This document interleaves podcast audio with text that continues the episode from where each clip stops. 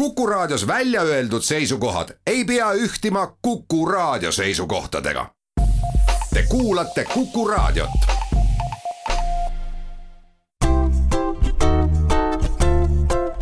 patsiendiminutid, Patsiendiminutid toob teieni Eesti Patsientide Liit tere, head Kuku kuulajad!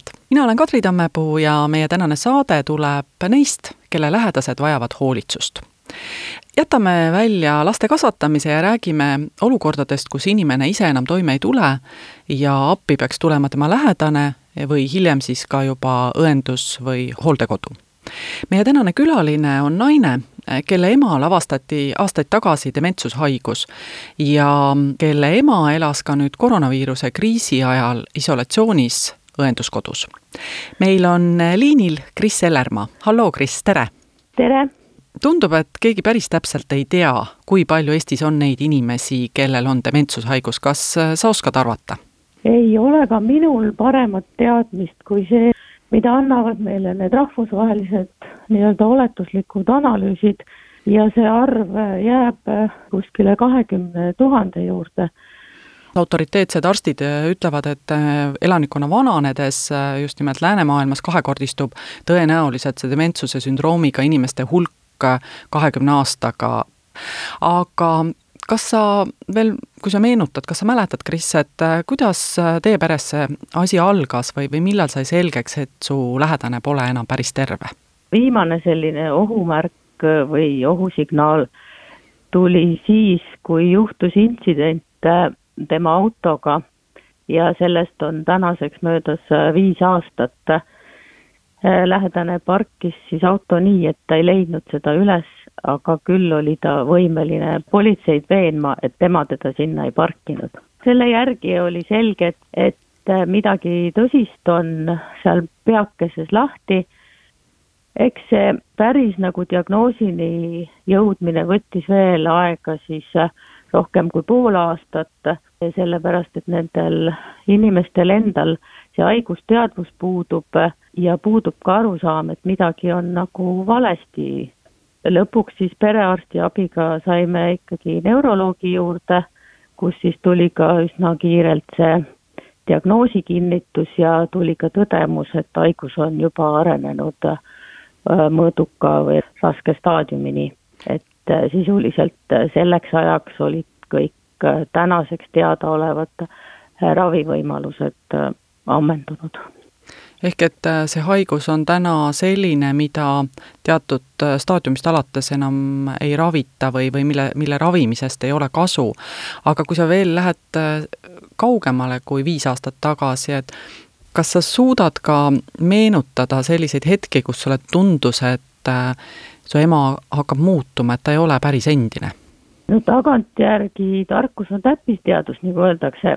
noh, kas ta muutma hakkas, aga olid märgid, mis viitasid sellele, et see lähimälu, mis on üks esimesi sümptomeid dementsusega, hakkas nagu ära minema ja huvitav on, et oskus vastata küsimustele nii, et, et ka väga lähedane ei saa aru, et tegelikult ei oska enam vastata. see teeb selle asja nagu väga keeruliseks.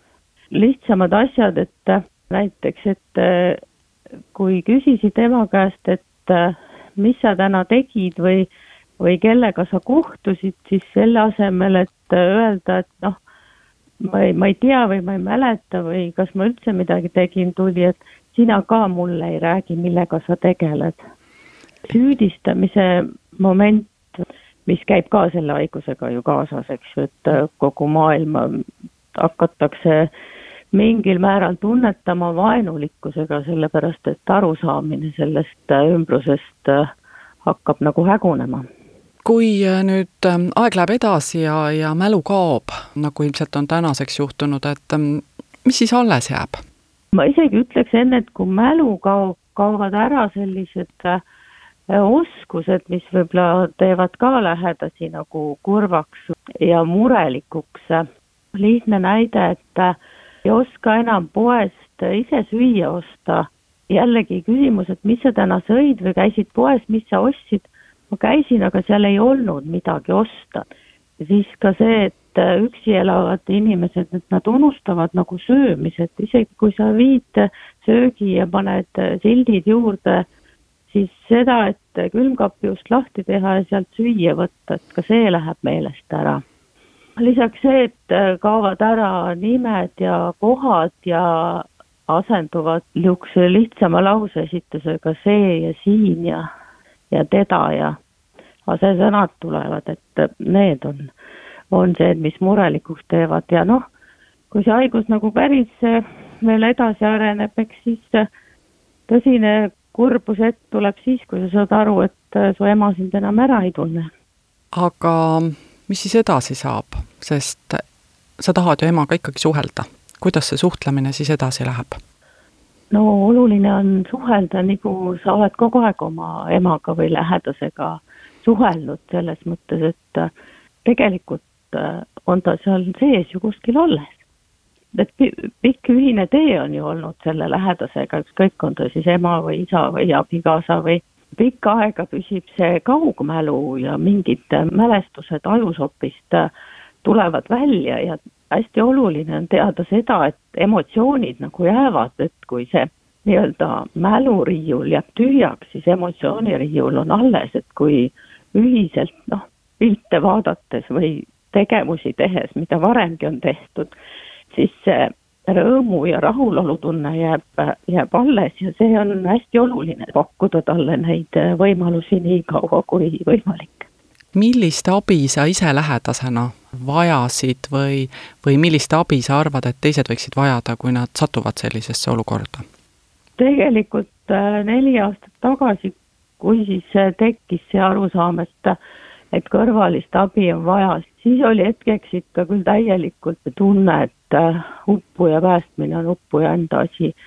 et ei olnud nagu kuskilt kinni hakata, kust seda abi otsida ja millist abi otsida, et võimalusi küll on, aga nad on laiali ja ilmselt väga erinevad ka olenevalt siis inimese elukohast.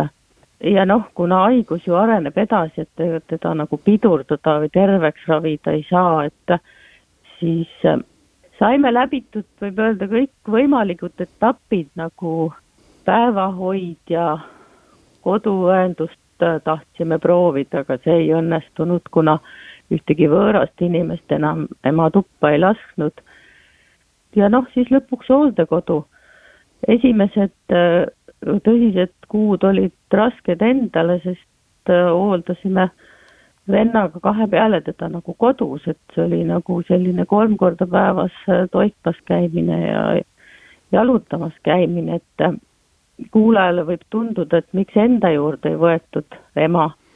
ei olnud võimalik, eks ta ei adapteerunud võõras keskkonnas või ei kohanenud ja kojumineku kihk oli nii tugev, et, et ei saanud nagu öösiti jõudnud temaga nagu riielda, et lihtsam oli nagu olla, lasta tal kodus nii kaua, kui see veel võimalik oli. tänaseks äh, on su ema jõudnud hooldekodusse, aga, aga see, kuidas seal elu läheb edasi, sellest siis juba räägime, kui me oleme pausilt tagasi. patsiendiminutid patsiendiminutid toob teieni Eesti Patsientide Liit. stuudios on Kris Hellermaa ja Kadri Tammepuu. saate esimeses pooles rääkisime me dementsusest, mis see haigus endast kujutab, mille käes inimesed hääbuvad ja mis juhtub äh, siis, kui nad enam kodus hakkama ei saa, on tavaliselt see, et äh, dementsusega inimesed jõuavad hooldekodusse hiljuti oli meil just koroonaviiruskriis ja isolatsioon ja ka praegu on ju mitukümmend tuhat inimest õenduskodudes, hooldekodudes, ka haiglates, osad nendest ähm, ikkagi veel isolatsioonis. räägime natuke, kuidas sa emast teateid said, kui igal pool kehtis külastuskeeld? külastuskeelu ajal teadete saamine oli hektiline, eks ikka ainult äh, omaenda initsiatiivil, kas siis helistades äh, või kirjutades hooldusasutusse kui sa siis kirjutasid või, või helistasid, mis siis sai? kirjale vastati ja kõnele ka vastati ja võimaldati paar korda ka videokõnet emaga, noh, mis tähendas seda, et ma nägin teda telefoni ekraanilt, ta enam ise nagu suhelda, selles mõttes rääkida ei oska. koroonaviiruskriis justkui on läbi, samas viirus ju kestab edasi ja vaktsiini sellele ei ole kuidas võiks külastamist korraldada või kas seda peaks tegema või, või peaks ikkagi ütlema, et no midagi ei olegi parata, et lähedased juurde ei pääse ka tulevikus? tänaseks on õnneks olukord ju leevenenud ja asutuses, kus minu ema on, on graafiku alusel võimalik külastada äh, lähedasi tunni aja kaupa külastada loomulikult võivad ainult need, kes on ise terved, et ma arvan, et see on üks hea võimalus muidugi külastamise ajal võiks arvestada seda, et lähedased käivad tööl, et kõik ei saa sättida oma päevi nii, et külastamine on üheteistkümnest viieni. aga ma loodan, et see olukord leeveneb ja, ja ka see külastamine muutub vabamaks ja, ja inimeste enda teadlikkus on ka nüüd tõusnud, et minnakse tõesti vaatama ainult siis, kui ollakse terved ja see viiruse asutusse viimise risk on minimaalne ja samasugune ootus on ka asutustes töötavatele inimestele, et ega siis mitte ainult külastajad ei ole see potentsiaalne infektsiooni allikas mis siis saab, kui sa hooldekodu või õenduskodu uksest sisse astud, kas lisaks kinnitustele, et sa oled terve, saad sa ka mingid ähm, isikukaitsevahendid, noh, maski ette? ikka, ikka. Tervisedeklaratsioon tuli ära täita, käte desinfitseerimine, mask. Ja päris esimesel korral oli ka kittel anti selga, et see on nagu hästi organiseeritud kui me tuleme nüüd tagasi veel selle suhtlemise poole juurde, sa ütlesid, et sa ootaksid ähm, regulaarsemat suhtlust. kuidas sa seda ette kujutad, et kuidas see regulaarsem suhtlus võiks käia? ise olen ma mõelnud, et, et see võikski siin olla kindel aeg ja kindel inimene kord nädalas, aga nüüd selle koroonakriisi ajal ja vaadates, kuidas kõik valdkonnad ümberringi arenevad ja tekivad äh, võimalused äh, kasutada IT-lahendusi. Ja kui me räägime Eesti tervishoiust, mis on ju noh, praktiliselt digitaliseeritud äh, meie retseptid ja registratuurid ja, ja, ja võtta ka koolilapsed, kus on e-kool, siis hoolekandesüsteemis oleme me nagu jäänud kuidagi maha, et ka siin võiks ju olla digitaalsed lahendused äh, suhtlemaks ja infovahetuseks lähedastega ja ma just mõtlen, et äh, kui palju räägitakse ka inimkesksusest, siis see on ju ka üks mõõde, millega seda inimkesksust hoolekandesüsteemis tõsta saaks. kui ma ei peakski tüütama töötajaid, vaid mul olekski juurdepääs oma ema nii-öelda päevaraamatule või ma kujutan ette, et hoolekandeasutustes käib ju ka olukorra dokumenteerimine nii et nagu e-hooldekodu no,? jah, just, väga hea mõte e, e-hooldekodu. teine pool on muidugi see, et äh, tihti inimesed ikkagi tahavad üksteisele silma vaadata.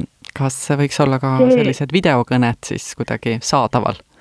tänapäeva lahendused ja platvormid, millega maailmas ka arstid ja haiged suhtlevad, kaugvastuvõtud oleks ju ka üks võimalus selle e-hooldekodu juurde liita, eks ju kui hooldatavad ei ole ise enam võimelised äh, enamasti dementsusega inimesed ei ole võimelised käsitlema neid, et siis nad vajavad ikkagi personali tuge, et lahendada see ka nii, et see oleks minimaalne lisakoormuse, maksimaalse lisaväärtusega siis nii hooldatavale personalile kui ka lähedasele mujal maailmas on päris tihti kuulda, et kasutatakse vabatahtlike abi, et see võiks olla nüüd täpselt see koht, videokõnet võiks aidata teha mõni vabatahtlik, et. ma nüüd selles koroona valguses vabatahtlikke väga ei panustaks, käiks juba ise külas ju, kui see võimalik oleks. kui sa juhtumisi Aga... elaks kaugel? siis on muidugi vabatahtlikud. ma arvan, see vabatahtlikkuse teema on täitsa omaette teema, et see kindlasti on meil potentsiaali rohkem seda teha ja, ja üksteist aidata. kui nüüd ähm, tuleb äh, uus koroonaviiruskriis, ähm, no või tuleb teine viirus, nakkus, mille pärast külastuskeeld jällegi kehtestatakse. mis võiks olla see, mis hooldekodudes võiks olla siis nüüd teisiti järgmisel korral? ma ikkagi läheks tagasi selle kõige lihtsama juurde, et see äh, suhtlemisvalmidus, tahe ja soov regulaarselt ja süstemaatiliselt, et, et et ma ei peaks iga pöördumise puhul tundma, et äkki ma segan, vaid see on nagu selline standard, et ma saan regulaarselt tagasisidet oma lähedase olukorrast siis ühelt konkreetselt inimeselt, noh, nii-öelda, ma ei tea, juhtumi korraldaja on vist vale sõna, aga mul on nagu kontaktisik kasutuses, kellele ma võin helistada kes teab seda seisundit, äh, muutust, eks ju, et kui me võtame hooldajad, kes käivad vahetustega ja et siis nad ei oskagi võib-olla anda neil ei ole ka ettevalmistust selliseid äh, sõnumeid edasi anda võib-olla, mis seal noh, paraku kaasas käivad. ja teine asi ikkagi mingi digitaalne lahendus, et kus ma näen siis juba ise kedagi tülitamata, et äh, kuidas see olukord on, et kas seal on mingeid muutusi, kas on mingi infektsioon tekkinud, palavik, äh, kuidas ravimite võtmine, söömine, joomine, äh, magamine, noh, mõnes mõttes vahetad nagu selle oma lähedasega rolli, et oled nagu mitte laps, aga ema ja nagu ema tahab teada, kuidas ta lapsel lasteaias päeval läheb, kui ma väga nagu lihtsa võrdluse võin tuua, eks ju, et siis sa tahad ka teada, kuidas su sellel kõige kallimal seal hooldekodus siis läheb kriitilisel ajal. ja ma arvan, et selline avatud, objektiivne ja regulaarne suhtlus, mis on nagu paika pandud, aitab äh, ära hoida nii mõnedki arusaamatused ja konfliktid lähedaste ja hooldekodude vahel, sellepärast et see teadmatus on ju suur ärevuse tekitaja ja, ja sellega käib kaasas ka kahtlustamine ja süüdistamine, mida saaks ilusti suhtlemismudelitega ju ära hoida. jah, loodame siis, et ähm, sellele õenduskodudes ja hooldekodudes ka rohkem edaspidi mõeldakse. suur aitäh Kris Sellermaa, et sa täna meiega saates ühinesid ja täname ka kõiki kuulajaid. küsimusi küsis Kadri Tammepuu, kuulmiseni taas nädala pärast ja seniks olgem terved. patsiendiminutid. patsiendiminutid toob teieni Eesti Patsientide Liit